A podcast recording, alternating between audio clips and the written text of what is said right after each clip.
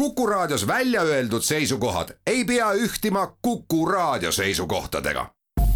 Te kuulate Kuku Raadiot.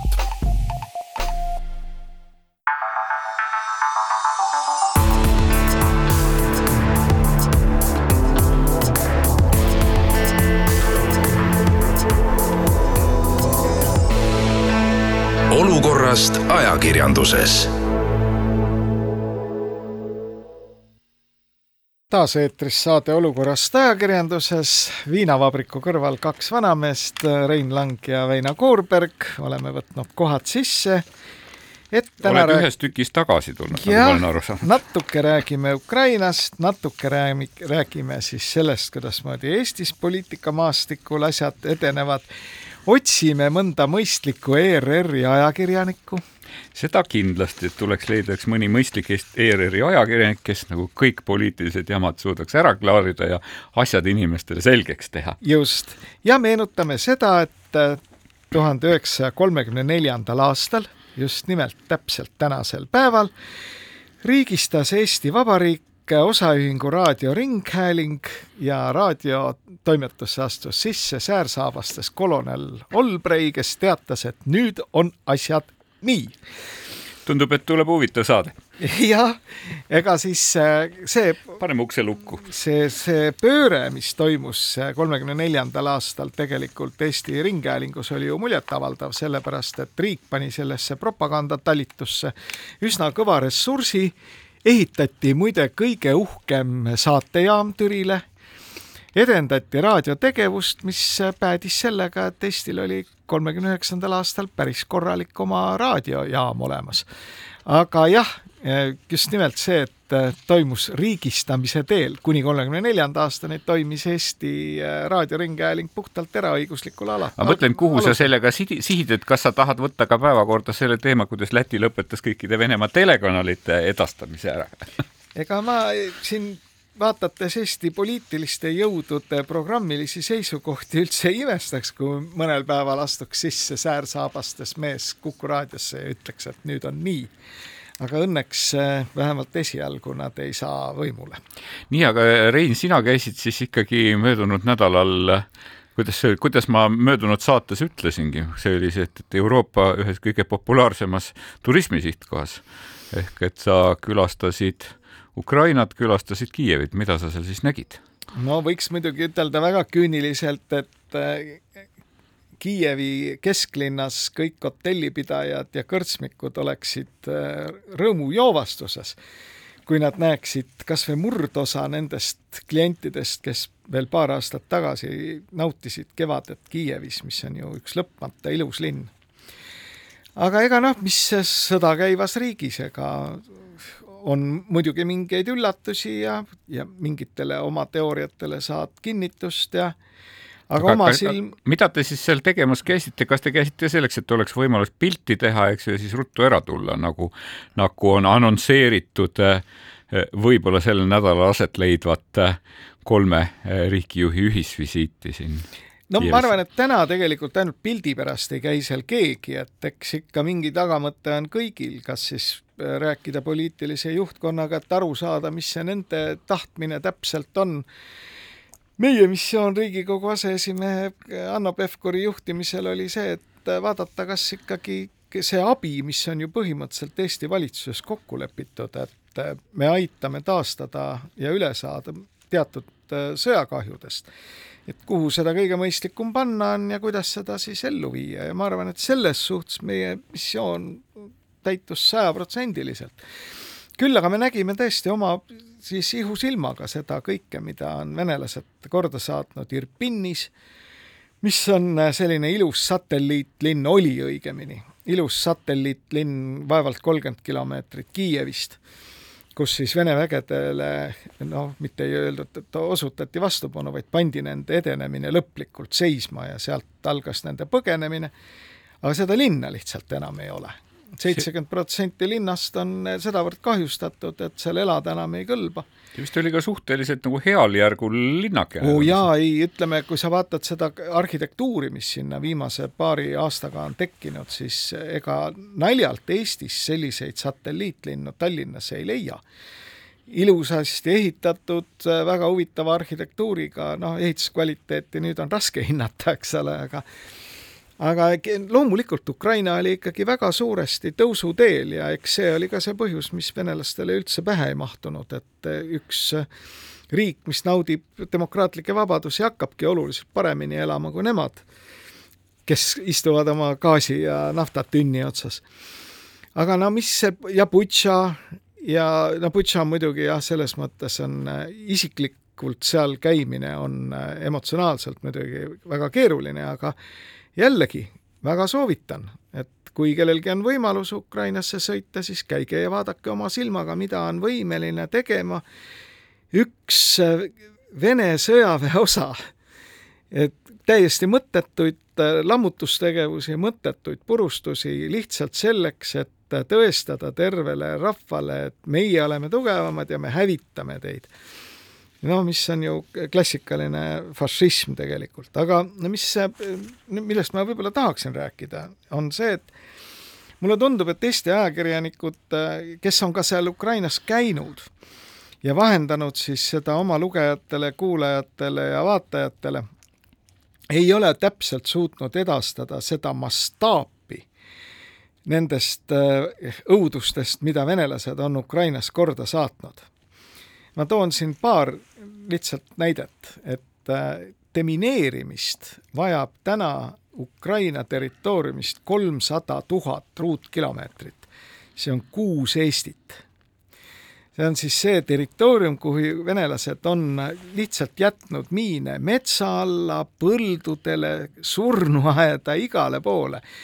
osa inimene... on see nagu tahtlikult jäetud miine, aga osa on siis ka veel näiteks lõhkemata osa on lõhkemata mürske muidugi, aga no on ka tahtlikult jäetud jah, et rohkem teha haiget lihtsatele tsiviilisikutele, millel ei ole olnud militaarset tähendust, aga lihtsalt on paigutatud miin selleks, et siis ise puu tagant vaadata, kui keegi õhku lendab. no sealsamas Irpeniski tegelikult öö, olen ise näinud seda videolõiku sellest, et kuidas mineeritud oli kas korteris või eramus olnud klaver ja tegelikult kui perekond tuli tagasi, siis eks ju märkas, et lihtsalt, et karikad klaveri peal olid teises järjekorras kuidagi, et ja tekkis kahtlus, eks ju, ja tõesti kutsusid spetsialistid ja klaveris oli miin.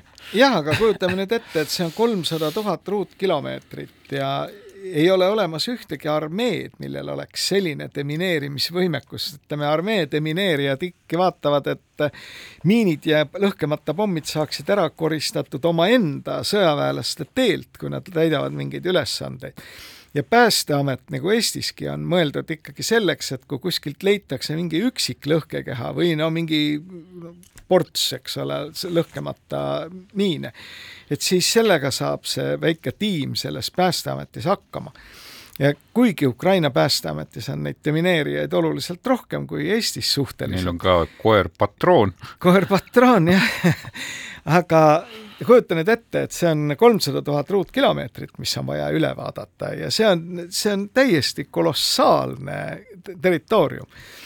ja kuidas sellega hakkama saadakse, see on logistiline ja, ja ja kõik muu ülesanne, nii et selles suhtes vajavad nad ka abi. teeme siinkohal väikse pausi ja siis räägime veel natuke Ukrainast.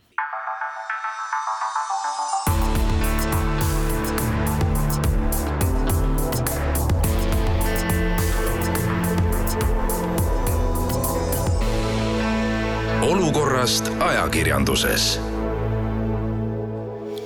vanamehed Rein Lang ja Väino Koorberg viinavabriku kõrvalt räägivad edasi ajakirjandusest eh, ja külgnevatest teemadest. no räägime... ütleme küll, Rein Lang räägib oma reisimuljeid räägime ka paar sõna veel edasi Ukrainast, et eh, me, õigemini mina püstitasin selle teesi eelmises saateplokis, et eh, Eesti ajakirjandus ei ole suutnud oma vaatajatele, kuulajatele, lugejatele nagu tuua ära seda mastaapi sellest jamast, mis ega seda mastaapi, seda mastaapi pole tegelikult vist ikka suutnud ka nagu lääne ajakirjandus tuua ja, ja, ja, ja, ja see tuleb nagu väga teravalt esile ka nende, nendel puhkudel, kui tegelikult läänes üha häälekamalt hakatakse rääkima, no et jätame selle olukorra, mis see siis nüüd on, kümme protsenti Ukrain-, Ukrainast on, on Venemaa okupeeritud, et las ta siis jääb, eks ju, püüame saavutada igavese rahu, et selle peale tegelikult on ukrainlased päris nutikalt vastanud kaardiga, et kus on kolmkümmend või kolmkümmend viis protsenti Saksamaast, on punaseks värvitud ja öeldud, et anname siis selle nagu kolmkümmend, kolmkümmend viis protsenti Saksamaast või kolmkümmend protsenti Itaaliast või eks ju, anname venelasele ära, las olla business as usual edasi. Ukrainlased peavad väga täpset arvet tegelikult selle kohta, mis need kahjud on ja ütleme, et siis äh, nädal aega tagasi, see number ju muutub kogu aeg, eks ole, nädal aega tagasi oli kahju, mis on tekitatud venelaste poolt Ukraina infrastruktuurile, avalikule infrastruktuurile, mis on siis teed, raudteed, elektri, peavõrgud, sadamad, raudteejaamad, kas või midagi, on üheksakümmend neli miljardit Ameerika dollarit, üheksakümmend neli miljardit dollarit. tuletame meelde, et Ameerika sõjapakett, eks ole, mis oli kõik kokku, räägiti neljakümnest miljardist. nii et kaks korda rohkem on siis see kahju, mis on infrale tekitatud, selle hulgas, selle rahanumbri sees, üheksakümne nelja miljardi sees ei ole ühtegi senti eraisikutele või firmadele tekitatud kahju, mida muide nüüd üritatakse ka kokku lüüa. Et ühelt poolt siis noh, ettevõte, kelle tootmisbaas lastakse sodiks, saamata jäänud Azovstal näiteks, eks ju, mis kuulub täiesti selgelt. ainuüksi mitu miljardit, eks ole. või võtame üksikisikute kahjud, puruks lastud kord, korterid, puruks lastud autod, mida kõik iganes. kõik see Irpeni, Irpeni eramud, terve, noh, ütleme, seal on ikkagi Kiievi eeslinnu, mis on lihtsalt hävitatud metoodiliselt eh, sellepärast, et kellelegi ei meeldinud, et nad nii ilusad välja näevad et eh, seda numbrit ju me täna veel ei tea ja lisame sinna veel, et selle üheksakümne nelja miljardi sees ei ole ju neid sõjakulutusi, eks ole, mis iga päev ju maksab meestele on vaja palka maksta, inimestele on vaja süüa anda, relvi on vaja, kõik see maksab. nii et see kahju, mis tegelikult venelased on tekitanud Ukrainale, see on täiesti uskumatu number. nii et kui me räägime sellest, et see on ühel hetkel vaja kuidagimoodi korvata ja lähtume sellest, et venelased seda ei maksa siis see saab olema ikkagi hätrik kogu maailmale, et kuidagimoodi see riik uuesti aidata siis sellele tasemele, kus see kõik pihta hakkas. Vene ajakirjanduses on tähelepanu just eilsel äh, Venemaa päeval äh, pälvinud sõnavõtted, kus on räägitud, kus on räägitud Donbassi ülesehitamisest ja, ja on öeldud vene rahvale saadetud sõnum selle kohta, et me peame Donbassi üles ehitama ja selleks tuleb püksirihma äh, pingutada. et ma ei tea, kas seal peeti silmas reparatsioone sellisel juhul no me ju mäletame seda, et äh, seda narratiivi Nõukogude Liit müüs oma inimestele ju kuni kuskil seitsmekümnendate aastate lõpuni, et näete, et sõjas me saime ikka nii kõvasti kõvasti rappida ja et sellepärast me elamegi oluliselt äh, halvemini kui peaks ja inimesed ei saanud ju vabalt käia isegi mitte naabermaades, eks ole, no rääkimata siis Lääne-Saksamaast, et ei olnud midagi võrrelda no,. oli lubatud Moskvassegi sõita. ja mõned, mõni ei saanud Moskvassegi, nii et seda juttu, ma arvan, venelased jätkavad kuni surmani, et äh, kõiges on süüdi need, keegi teine, eks ole, et nad ise nagu halvasti elavad nüüd äh, ajakirjandus muidugi on viimasel ajal üles leidnud neid äh, suure huumorimeeliga, meelega ukrainlasi päris palju.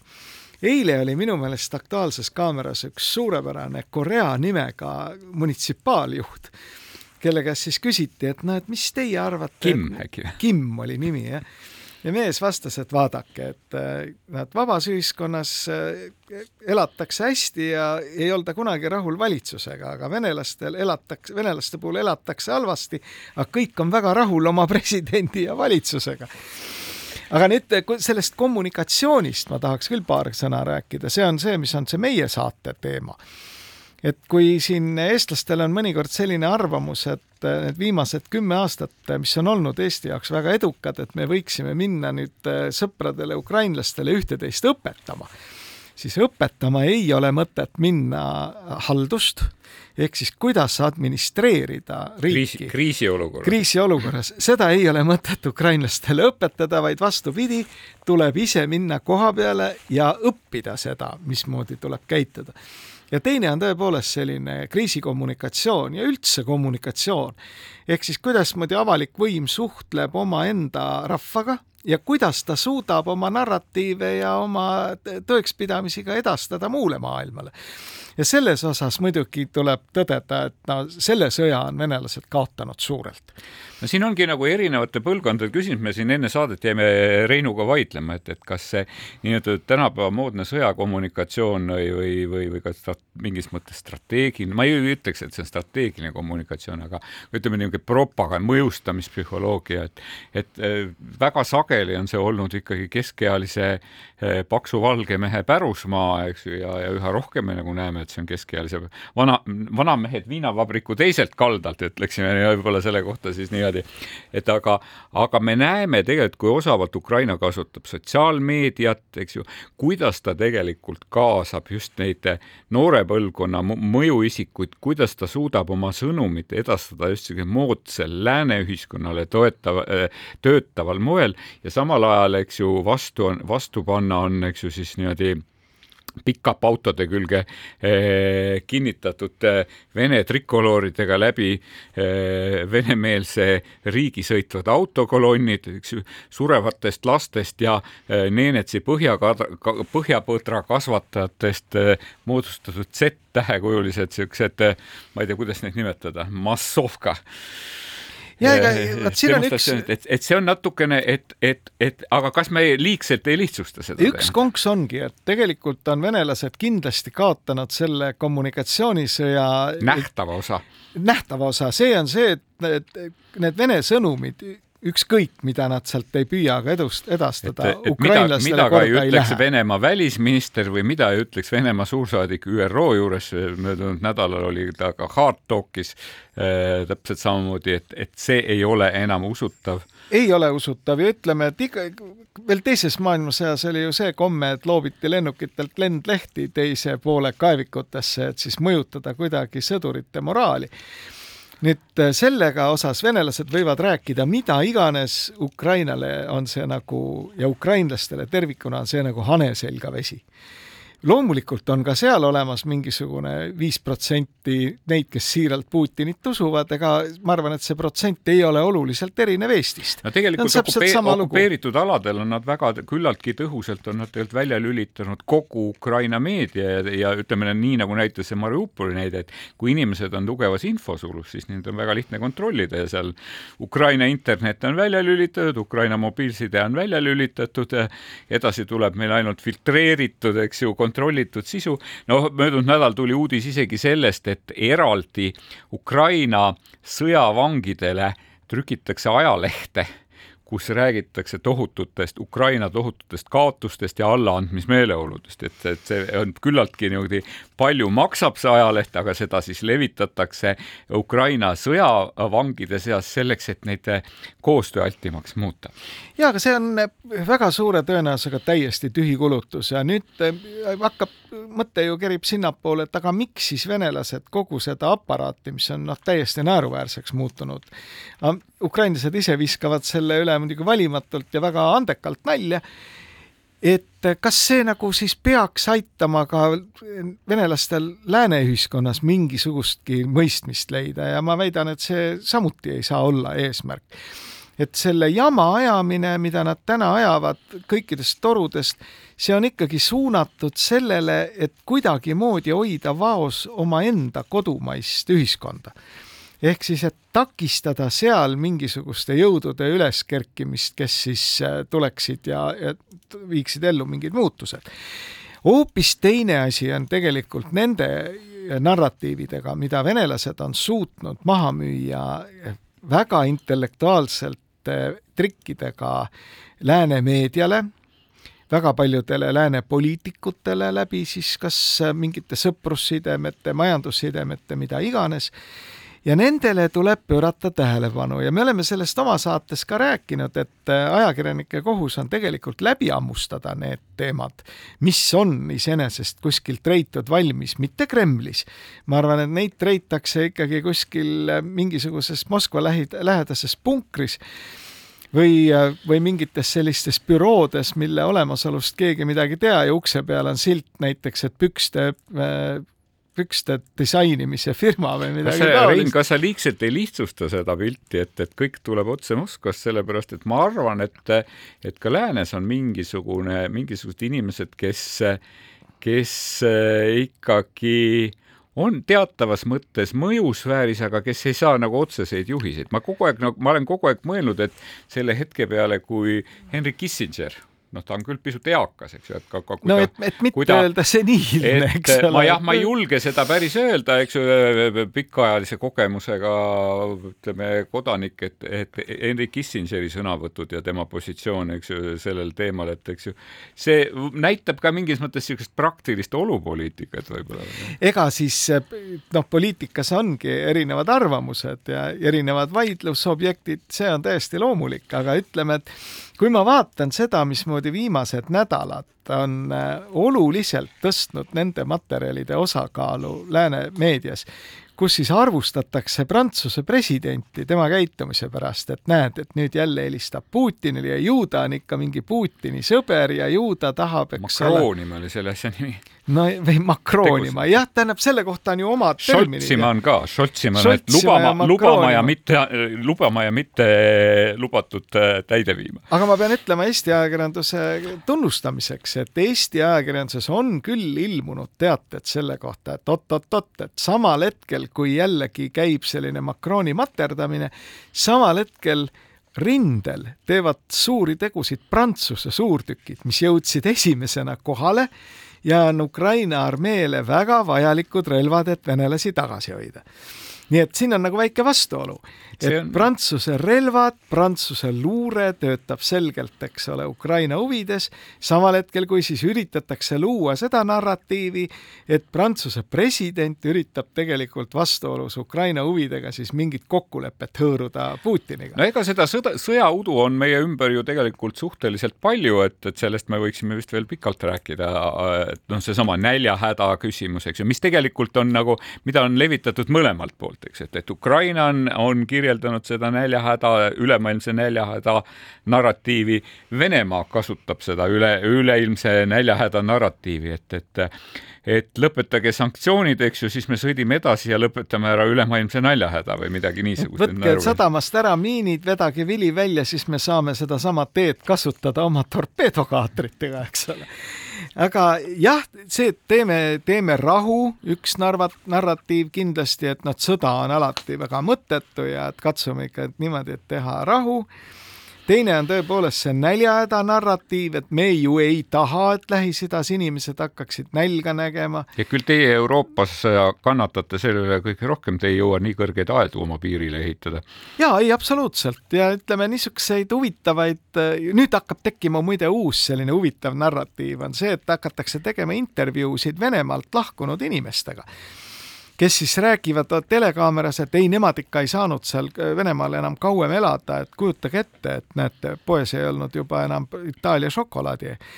Ja samal hetkel, kui siis küsida neilt, et kas te isiklikult langesite mingite repressioonide ohvriks, ei, ei, mind ei ole nagu puudutud ja mina ei ole kunagi soolaputkas ööd veetnud, aga no lihtsalt mul oli õhustik oli selline, et ma pidin ära tulema ja siis sinna juurde hakkavad tekkima sellised jutud, et me peaksime neid inimesi ikka aitama ja neid koolitama ja mida iganes. aga teeme siinkohal väikese pausi.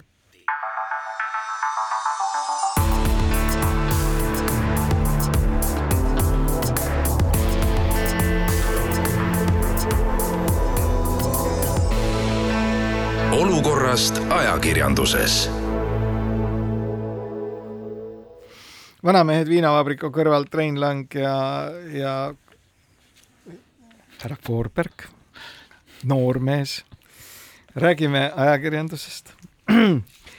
aga meil on muide uudiseid ka Vene meediast, need on täiesti suurepärased. me ikka üritame jälgida, millised tendentsid valitsevad ja Väinal on siin äh, fakte, fakte.. ei no kas nüüd just fakte, aga, aga no Vene meediat on päris selles mõttes huvitav vaadata, Vene Telegrami kanaleid, et möödunud nädalal tuli esi-, kõigepealt tuli esimesed toredad uudised tulid sellel teemal, kuidas esimesed Venemaal välisagendiks tunnistatud ajakirjanikud, et need olid Eho Moskva kolumnist Ekaterina Šulman ja tegelikult Eho Moskva peatoimetaja Aleksei Venediktov, eks ju, eh, hakkasid siis lähemalt uurima, et mille eest neid siis on nagu välisagendiks tunnistatud. Ja siis tuli välja, et et, et põhiliselt ikka selle eest, et neile maksis panka, palka Eho Moskvõi, mille omanik oli Gazprom Meedia, mille omanik oli Gazprom, Venemaa siis nagu kütuse või gaasifirma, eks ju niimoodi, ja et kuna see firma oli saanud välismaalt raha gaasi eest. Eh, gaasi eest, eks ju, siis järelikult me saime nagu toredasti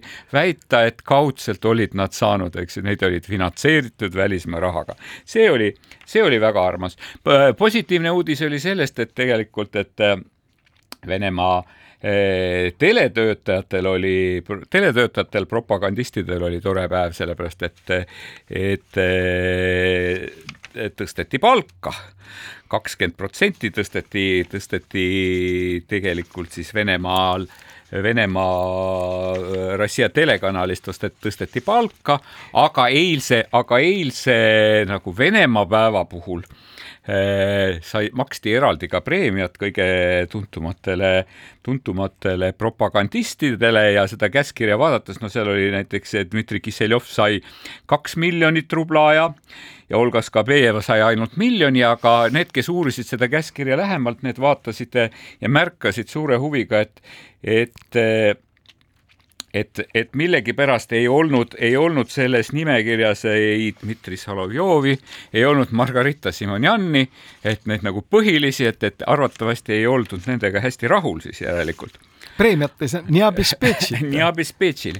aga tegelikult tähelepanu köitis mina, ma tahtsin hetke nagu rääkida, et, et kui meil tuli uudis selle kohta, et möödunud nädalal Läti lõpetas eh, kõigi venekeelse, seni veel eh, eetris olevate eh, Venemaa telekanalite edastamise, neid oli kaheksakümmend tükki, et siis samal ajal tuli uudis ka see, et Läti andis tegelikult Ringhäälingu loa telekanalile Dost et meil on loota, et see telekanal võiks sündida, see küll ei sünni üksnes Riias, arvatakse, et, et see on Läti, Hollandi, Prantsusmaa, võib-olla ka Gruusia kuidagi ühistegevusena ilmub ta eetrisse, kui nagu saavad rahastusasjadega korda, aga, aga et seda, seda oli hea kuulata. ja kui me rääkisime kogu aeg sellest, et kuidas me püüame vähendada seda Venemaa propaganda mõju siit eh, siin Euroopa peale, siis tegelikult möödunud nädalal ilmus ajakirjanduses väga, väga kriitilisi materjale selle kohta, et, et sel ajal, kui me siin telekanaleid kinni paneme, kui e-, e riigid kehtestavad ühtepidi telekanalitele neid eetrikeelde, kuidas Euroopa Liit oma sanktsioonide kuuenda paketi või viienda on suunanud tegelikult just nende propagandistlike telekanalite vastu, et siis leidub meil olema, ometi Prantsusmaal tore firma, millel on isegi ka Prantsuse riigi osalus või ka veerandi osas, kes siis mööda oma Sputnikuid ja satelliite Eh, toredasti levitab seda nii Euroopasse kui Aasiasse, kuid tegelikult ka Venemaale, nii et, et Eutelsat, kes, kes tegelikult, kellel oleks võimalus need telekanalid Euroopale kinni keerata, ei, ei kasuta seda ja tegelikult Eutelsatil oleks võimalik tekitada. Ka Venemaale suhteliselt palju ebameeldivusi, sest eh, nende satelliitidelt levivad ka Venemaa põhilised need eh, tele, telepaketid NTV ja Tricolor, et nad saaksid ilusasti punasele nupule vajutada ja, ja, ja päris mitmed inimesed jääksid Kisseljovist ja Solovjovist ilma. et kahjuks nad pole seda teinud, et et, et võib-olla me peaksime oma kodus ka natuke ringi vaatama. oi, meil on palju kohti, kus võiks kodus veel ringi vaadata. aga tõmbaks sellele Ukraina jutule praegu nagu joone alla, et eks me jälgi väga põhjalikult seda, mismoodi need huvitavad narratiivid, ütleme siin Macronima ja Scholzima, kaks terminit, mis on Euroopas ilusasti käima läinud ja mille eesmärk vähemalt minu arvates on ainult lüüa kiilu Euroopa Liitu. sest kahekümne kolmandal juunil on Ukraina seisukohast ülitähtis päev, sest siis koguneb Euroopa Ülemkogu, kus tuleb arutusele Euro Ukrainale kandidaatriigi andmine ja miks, kui nii naljakas, kui see ka ei ole, ei ole selles protsessis täna piduriks ei Saksamaa ega Prantsusmaa vaid hoopiski need riigid, kes, keda me oleme harjunud pidama Ukraina suurteks sõpradeks, seal on Skandinaavia maad ja ka Holland, nii kummaline kui see ka ei ole. Nii et, et jälgime suure huviga. ja enne kahe, ja enne kahekümne kolmandat vaatame ka ära, et mismoodi, kas lisaks makroonimisele ja soltsimisele tuleb ka traagimine, sest kuueteistkümnendal tegelikult on lubatud, on lubatud siis kolme riigijuhi ühisvisiiti Kiievisse. ja selle kohta käivad ka ju erinevad jutud, et kas lubatakse rohkem abi või üritatakse veenda Zelenskit tegema mingisugust kokkulepet venelastega, aga elame-näeme aga igal juhul tasub väga põhjalikult jälgida niisuguseid materjale, mis tulevad kuskilt imelikest allikatest. üks selline huvitav kanal, mida alati on venelased kasutanud oma narratiivi levitamiseks, on muide Taani suurimad päevalehed. nii kummaline, kui see ka ei ole et kuskilt jälle tuleb mingi uudis, jälle hakkab elama mingi oma lugu. ma jäin nagu pooleli selle seletamisega, et Venemaalt on hakanud ära liikuma mingid inimesed, kes satuvad kohe nagu teleekraanile kes räägivad oma raskest elust, aga kui neilt küsida sa ei pea ju silmas Marina Ovsjannikovat, seda, kes, kes muide... proua, proua, kes plakatiga jook-, jooksis jah, kelle suhtes ukrainlased ütlevad, et tegemist on lihtlabase FSB agendiga. no seda, sedasama juttu räägiti tegelikult ka Eestis eh, suhteliselt algusest peale et ja tema nagu edasine saatus on, annab selleks ka teada õigustuse. täna arvatakse, et Venemaalt on lahkunud umbes kakssada tuhat inimest, kes siis noh, ei ole suutelised seal selles õhustikus enam elama. väldav osa nendest inimestest muide ei taha, et neid isegi pildistatakse, rääkimata sellest, et nad siis vabatahtlikult ronivad kuskile kaamera ette ja räägivad sellest, kuidasmoodi, et nendel, neid ei ole küll keegi kunagi arreteerinud, aga et nad ei saa ennast avada Venemaa läppunud tingimustes minu tuleb ja siis sinna juurde hakkavad tulema sellised lood, et me peaksime jah, neid inimesi nüüd igati toetama, neid aitama, aitama neil jalule tõusta, andma neile võimaluse lääne ülikoolides õppida. ma tuletan meelde, et siis, kui Süüriast põgenesid äh, sõjapõgenikud, siis oli selline jutt, et äh, me peaksime nendele meestele ütlema kategoorilise ei, mingu koju tagasi, löögu kord majja omaenda riigis, ärgu tulgu siia majanduspagulasena otsima paremat elu. äkki nüüd võiks mõelda, et kas äh, nende Süüria põgenike ja Vene põgenike vahel on mingisugune väga kvalitatiivne vahe no ma ei tea, kui sa siin nagu räägid võimalust õppida Venemaa või välismaa ülikoolides, siis ma saan aru, et see võimalus on venelastel tõmbab, tõmbub väga oluliselt koomale, sest Venemaa on teatanud, et Bologna protsessist väl, väljub, eks ju, et edaspidi on neil ikka see viieaastane kõrgharidus, mis ei jagune eraldi bakalaureuseks ja mag magistriõppeks, mis tähendab, et tegelikult suure osa venelaste võimalusi näiteks pärast, pärast oma õpinguid jätkata kusagil, jätkata kusagil välismaa ülikoolis väheneb märgatavalt, et see on tegelikult noortele ikka päris suurt muret tekitanud. jah, aga ega siin minu meelest võib ka, võib ka siin euro-, keskmine eurooplane olla üsna jäik ja öelda niimoodi, et kuulge, et omas kodus võiksite te korra nagu majja lüüa ja eriti naljakas on minu meelest see, et me peaksime ülal pidama ja koolitama Euroopa maksumaksja raha eest siis Vene luureteenistusele ustavaid töötajaid. hüva, aga tõmbame Ukraina jutule joone alla, vaatame natukene, kas siin kodumaal ka on ajakirjanduse seisukohast olulisi asju. on ikka, miks ei ole?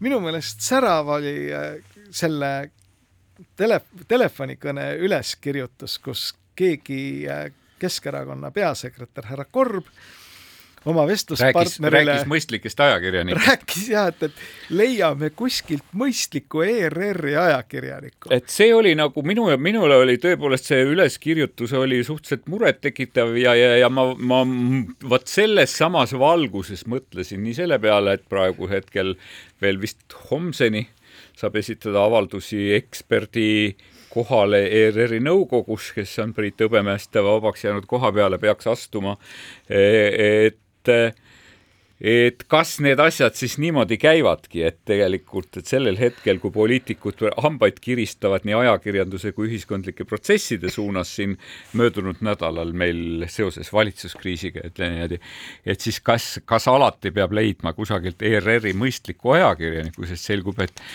te telefonivestlusest nii elegantselt tuli välja, et et kuna ERR kõige mõistlikumalt ja tasakaalustatumalt kajastas meid ja ei kiristanud liigselt hambaid, eks ju, et siis siis võib-olla harjutame seda intervjuud siin veel paar korda ja siis läheme Toomas Sildami jutule. et seda oli, seda oli täitsa hämmastav kuulata minu meelest. Toomase nime kasutamine oli nüüd küll sul täielik juhus, eks ole. ei, mitte, ei, mitte, et see oli juhus, ma lihtsalt, ma lihtsalt tahtsingi nagu ütelda seda, et, et, et mind väga häiris see, mind häiris see, see lugu Ekspressis ja mind häiris see telefonikõne ja mind häiris see isene, iseenesest äh, võetavus, kuidas tundub, et poliitik helistab ja ütleb, et meil nüüd oleks vaja ja ajakirjanik teenindab. ma olen väga kaugel mõttest sellest, et, et Toomas Sildam oleks seda intervjuud teinud ja ma tegelikult oot-, ma olen oodanud juba päris mitu päeva seda, et kas, et kas peaks reageerima sellele, et Toomas Sildam hetkel on küll presidendi sisenõunik, eks ju niimoodi, aga, aga et et, siin nagu ikka näpuga näidati, mulle tundus küll, et, et Mihhail Korb kauples mõjuvõimuga, mida tal ei olnud või, või kuidas sina arvad? ma olen sinisilmne selles vaidluses. seda on nüüd raske öelda, küll aga kui nüüd peale sellise artikli ilmumist ei sähvata mõne ajakirjaniku peas see mõte, et aga äkki me peaks ikkagi natuke rohkem nägema vaeva selle parteide rahastamise väljaselgitamisel. no siis on asi paha mm -hmm.. iseenesest Eestis on ju puht seaduse tasemel on erakonnad äärmiselt läbipaistvad. Nad peavad avaldama kõik oma rahaallikad, panema need veebi välja, isegi pole vaja küsida, vaid võtad, avad kodulehekülje peale, võtad sealt. jah, tõsi, seal on vaja neid aruandeid esitada kaks korda aastas ja erakonnad vaieldamatult seda teevad, keegi ei taha nüüd haamriga vastu pead saada. Aga minu meelest oli tore see moment, kui Keskerakonna peasekretärilt Hanimägilt küsiti, et kuulge, aga seletage nüüd ikkagi ära, kust te selle raha võtsite, et kohe ära maksta see keelatud annetus, see tagastada. see oli ligi miljon eurot ja on täiesti selge, et ükski Eesti partei Kapist. ei saa seda jah, kokku nüüd paari mingi kuuga, eks ole. Keskerakond jah, peab ütlema, nad nägid vaeva, nad panid mütsi ringi käima, nad ütlesid oma liikmetele, et panustage, et meil on raske aeg. Ja vaatamata sellele niisugust numbrit nii lühikese ajaga kokku ei tule kohe kuidagi. siis küsimus on ju, kust see raha saadi, kust see võeti? ja üks Eesti ajakirjanik esitas Hanimägile ju küsimuse, kust see raha võtsite? selle peale saadeti ajakirjanik pikalt ja minu arvates ajakirjanik läkski. Läkski pikalt. Läkski pikalt. ja seda asja ei peaks jätma niisama. see koht, et Eesti ajakirjandus, pange nüüd jälle homse koosoleku öö, teemade listi see kirja. kuskohast tuli miljon, eks ole, niisugust ekstraordinaarset raha, millega saudeti ära maksta kohe see võlg ja tegelikult on ju probleem selles, et on ka teiste erakondade puhul on ju ridamisi tekib küsimusi, et kuidasmoodi ühte või teist hüve tarbitakse, aga selle eest noh, kes maksab. aga teeme siinkohal veel viimase pausi.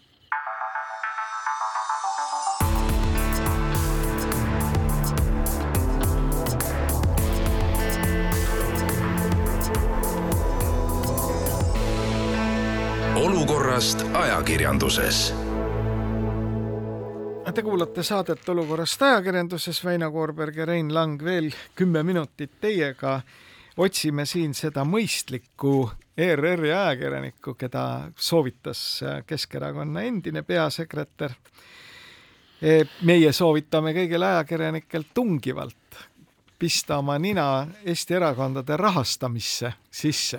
ebamõistlikult lausa, jah? ebamõistlikult täpselt, et ärge minge pikalt, kui Keskerakonna peasekretär teid pikalt saadab ja uurige välja, kustkohast see ligi kaheksasada tuhat eurot, no ligemale miljon kokku, eks ole, ikkagi tuli, et kohe võlg ära maksta aga eks, eks muidugi see, see telefonikõnede mahakirjutus tuli tegelikult väga sobival ajal, seda ma märkasin ka, ma ei tea, kas see oli juhus või mitte, eks ju, aga et, et veel sellel hetkel, kui, kui ei olnud otsustatud, et kes kellega käima hakkab et mina mõtlesin muidugi, ma lugesin seda üleskirjutust, et mis küll juhtub, kui peaks äh, tõeks osutuma, et äh, see oma, omavaheline kokkulepe erakonna liidrite vahel EKREIKE valitsuse taaskehtestamiseks äh, teoks saab. et kas siis oleks peaprokurör Parmas määranud taas või taotlenud uue trahvi määramist teatud ajakirjanikele. milline teema on meil ju endiselt äh, üleval. aga meil on siin veel mõned huvitavad tähelepanekud, et äh, kuna Priit Hõbemägi läks juhtima ajalehte Postimees peatoimetajana, otsib parlamenti ERR-i nõukokku uut liiget sinul on võimalus kandideerida, Rein. ei ole, mina, tähendab, see on. sa oled seotud isik, eks ju, sul on saade Kuku, Kuku raadios, eks. See on täpselt sama nagu, et Simon Jan või kes see oli see, kellele pandi äh, süüks seda, et ta on välisagent Venediktov näiteks. Venediktov, Venediktovile öeldi, et sa said Gazpromist palka, et sellepärast oled Vene agent. ei no selles mõttes see välisagentide seadus on päris masendav, et, et see noh, tähendab, kui tahame, saame teid pan, äh, vangi panna igal juhul ja nüüd nagu selles mõttes ei ole, ei piirduta ainult ajakirjanike trahvimisega.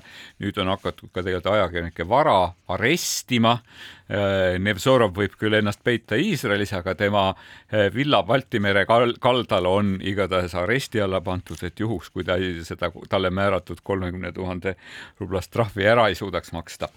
aga, aga kes siis peaks kandideerima sinna ja tegelikult kandideerima peaks ka veel praegu ETV ja ETV kahe peatoimetaja, ühis, ühispeatoimetaja kohale, sest juba möödunud nädalal teatati seda, et, et need telekanalite eh, juhid mõlemad on lahkuvad, eks ju, ja tegelikult moodustatakse ühispeatoimetaja kahele telekanalile. no siin on see vahe, et seda sinu poolt kirjeldatud konkurssi viib läbi Rahvusringhäälingu juhatus aga seda, kes saab nõukogu liikmeks, see seda on poliitiline teema. kultuurikomisjon. eriti koalitsiooni läbirääkimiste ajal on see muidugi huvitav, kes siis tunnistatakse selleks spetsialistiks, kes läheb äh, täiesti objektiivselt ellu viima avalik-õigusliku ringhäälingu põhimõtteid.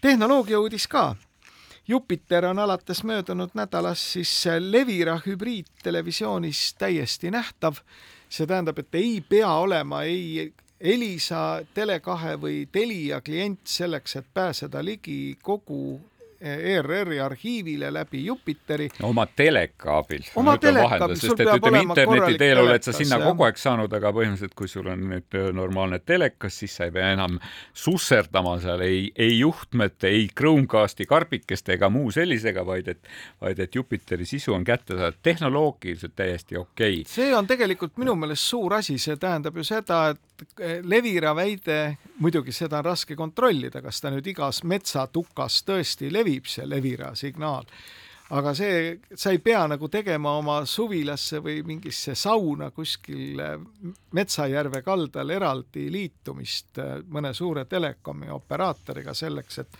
ERR-ile ligi pääseda, igal juhul positiivne samm nende poolt, loodame, et see tehnoloogiliselt ka toimib. ERR-ist oli ka teadusuudis, et nad on venekeelse teadusuudiste portaali käivitanud, et selleks, et parandada teadusuudiste kättesaadavust vene keeles, et minul muidugi õel küsimus selle tuli otse DNA-st, eks ju, väljus, et et kas sobiv raha oli kusagilt Euroopa Liidust saadaval ja tuli ära korjata, sellepärast et et möödunud nädalal me ei jõudnud rääkida sellest, kui palju erinevaid saateid või palju erinevaid saateid äh, riigiametid Rahvusringhäälingult ostavad, eks ju, see nimekiri oli päris muljetavaldav, aga aga tundub vist, et, et uutel ERR-i nõukogu liikmetel võiks seal olla tööpõld pikk ja lai.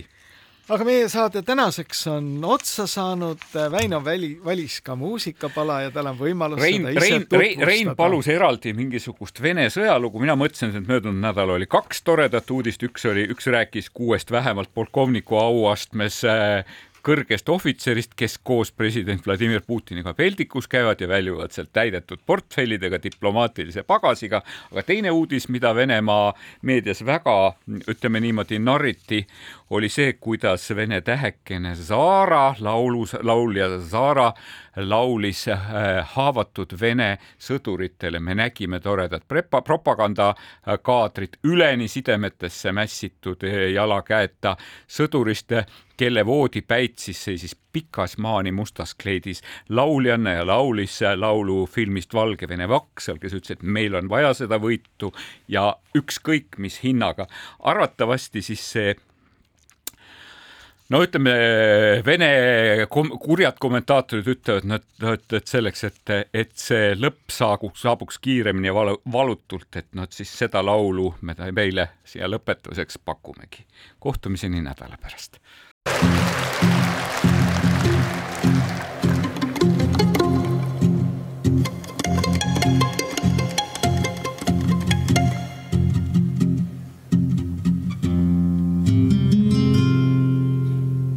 Здесь птицы не поют,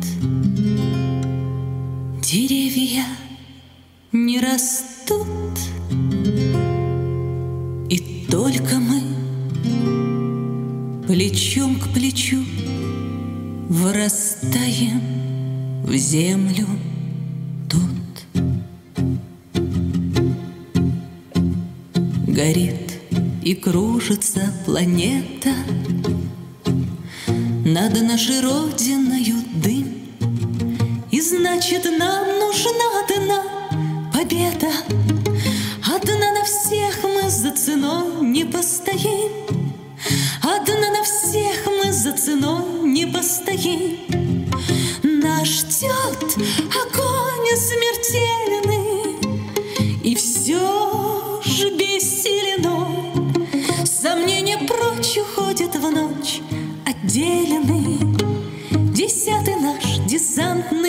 батальон Десятый наш десантный батальон Лишь только бой угас, звучит другой приказ, И почтальон сойдет с ума, разыскивая нас. Взлетает красная ракета, Бьет пулемет неутомим, И значит нам ценой не постоим, Одна на всех мы за ценой не постоим. Нас ждет